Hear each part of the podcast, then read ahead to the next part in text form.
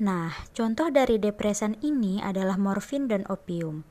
Dan dampak umum yang ketiga adalah halusinogen yang mengakibatkan orang menjadi kehilangan kendali saraf motorik dan mulai berhalusinasi.